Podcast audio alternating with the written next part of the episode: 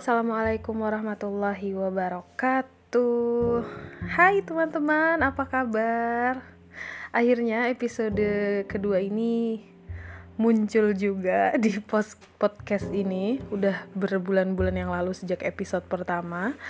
Uh, Sebenarnya waktu itu udah ngerekam sih, tapi tiba-tiba hilang begitu aja dan akhirnya jadi kayak demotivasi gitu. Jangan ditiru deh. Semoga dari episode kali ini uh, bisa melahirkan episode-episode berikutnya. Nah gimana nih kabar teman-teman? Apakah sekarang ada di rumah bareng keluarga? Atau uh, udah mulai work from office lagi, udah mulai sekolah lagi. Oh, sekolah kayaknya belum ya, beberapa aja. Nah, atau di kos kayak aku menjadi anak rantau yang tetap berada di kos atau di perantauan. Semoga semuanya dalam keadaan yang baik ya, dengan kabar yang baik, sehat dan kalau misalnya ada yang lagi kurang sehat, lagi sakit atau keluarganya lagi sakit, semoga uh, segera membaik deh, segera sehat lagi seperti sedia kala. Nah, kita juga jangan lupa ya doakan buat negara ini, buat Indonesia, buat dunia. Semoga virus ini, pandemi ini segera berakhir dan kita menjadi seseorang yang lebih baik lagi ke depannya. Oke. Okay? Nah, untuk uh, kali ini sebenarnya aku pengen sharing sesuatu hal yang mungkin bagi teman-teman ada yang udah pernah dengar dan ini bukan hal baru lagi gitu buat teman-teman. Nah, tapi karena sekarang kan kondisinya lagi pandemi terus uh, himbauannya masih sampai saat ini adalah di rumah aja gitu kan jadi mungkin banyak dari teman-teman yang uh, kalau perantau itu banyak banget yang pulang ke rumah terus jadi menghabiskan waktu lebih banyak dengan keluarga, dengan orang tua, uh, dengan adik kakak kayak gitu. Dan pasti ada komunikasi yang lebih intens lagi dibandingkan dengan sebelumnya, bener nggak? Nah mungkin teman-teman ada ada yang ngerasa ini, uh, kok jadinya kayak banyak konflik, kok kayak uh, apa-apa salah paham kayak gitu kan? Nah, komunikasi ini kan emang sesuatu hal yang penting banget gitu dalam kehidupan kita, baik di dalam keluarga maupun di lingkungan pertemanan, ya kan? Semuanya butuh komunikasi, semuanya pasti uh, berkomunikasi baik itu secara verbal maupun uh, non verbal. Nah, dalam berkomunikasi itu uh, mungkin ada banyak permasalahan gitu ya. Nah, satu hal yang pengen ku bahas di sini adalah tentang I statement. Jadi, I statement ini uh, kalau teman-teman cari di Google sebenarnya banyak banget gitu ya uh, tersedia tentang penjelasan I statement, gimana cara bikin I statement. Jadi ini adalah salah satu cara untuk asertif, bersikap asertif. Apakah asertif itu? Jadi asertif itu adalah tengah-tengah antara agresif dengan pasif. Jadi kalau kita dalam berkomunikasi dengan orang lain gitu, agresif itu adalah ketika uh, terlalu mengutamakan apa yang saya mau, apa yang kita mau gitu. Nah, sedangkan pasif adalah terlalu mengutamakan yang orang lain mau. Jadi uh, terlalu manut sebenarnya kita punya pendapat tapi manut aja gitu sama orang lain dan kita tidak menyampaikan pendapat kita gitu. Nah itu kan banyak juga ya jadi yang uh, lebih ke agresif, lebih ke pasif. Nah asertif ini adalah di tengah-tengahnya itu. Bagaimana kita bisa mengakomodir kedua-duanya antara apa yang saya inginkan, kita inginkan dengan yang uh, orang lain inginkan. Itu namanya asertif. Nah, salah satu caranya tadi dengan I statement. Jadi I statement itu gimana gitu. Nah, yang pertama I statement itu adalah jadi gini, formulasinya, formulasi I statement sebenarnya nggak baku gitu ya maksudnya nggak nggak yang uh, bener-bener saklek seperti apa tapi uh, intinya I statement itu yang paling sederhana ada tiga tiga bagian gitulah ya tiga bagian yang uh, paling sederhana yang pertama saya merasa bagaimana. Jadi ketika kita menggunakan I statement yang pertama saya merasa titik titik titik ketika kamu titik titik titik dan uh, tolong kamu atau bisakah kamu titik titik titik gitu. Tapi kalau yang biasanya aku lakukan sih yang empat uh, yang formulasinya tuh ada empat aspek.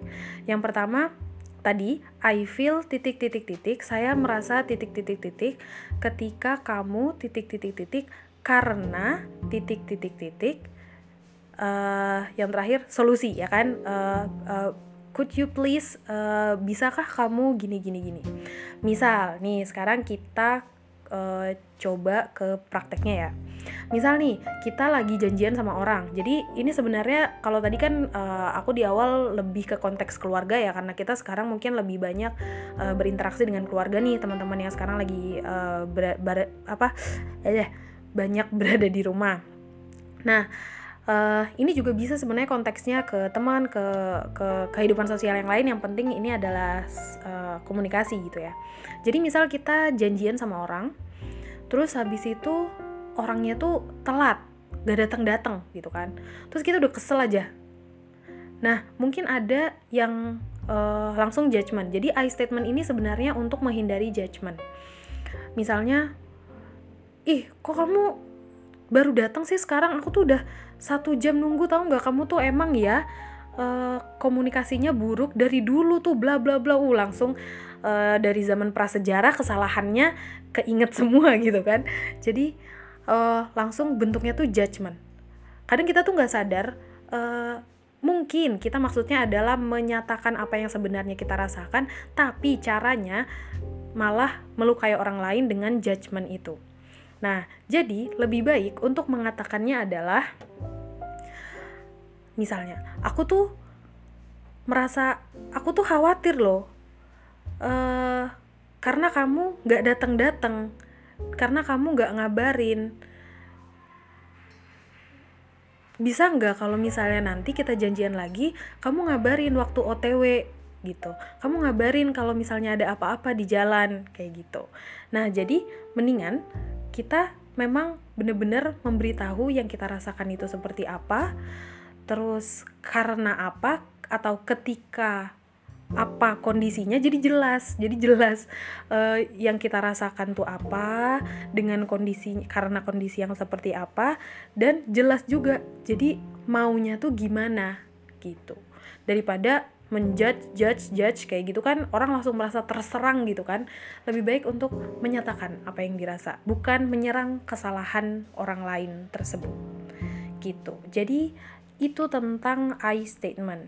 Mungkin untuk melatihnya itu ya emang butuh proses uh, bisa lah kita coba uh, dengan ketika kita berkomunikasi dengan orang lain gitu. Nah asertif ini memang uh, hal yang ini ya kadang sulit dilakukan karena um, kita udah terbiasa pasif. Bener nggak? Kalau misalnya gini deh kita lagi ngantri panjang terus tiba-tiba ada orang yang nyelak antrian ya udahlah ya ngalah aja. Misalnya uh, padahal kita misalnya udah ngantri lama dan kita juga buru-buru gitu kan. Terus ada orang yang nyelak ah, saya ini buru-buru. Lah gue juga kali gitu kan dalam hati kayak rasanya gitu. Nah tapi mungkin kalau misalnya uh, terkadang buat lawan bicara untuk yang belum terbiasa ya uh, terutama di budaya kita mungkin belum terbiasa dengan ini jadi memang perlu hati-hati dan latihan juga untuk menerapkan asertif ini meskipun memang asertif itu uh, bukan agresif bukan sesuatu yang menyerang gitu tapi butuh skill juga gitulah kreativitas kita sebagai komunikator gitu. Jadi emang perlu dilatih jadi nggak semuanya kayak wah I statement nih udah pasti bakal orang lain tidak akan tersinggung dengan ini. Ada juga yang uh, mungkin memiliki perasaan yang tipis-tipis gitu yang terbiasa dipasifin sama orang lain.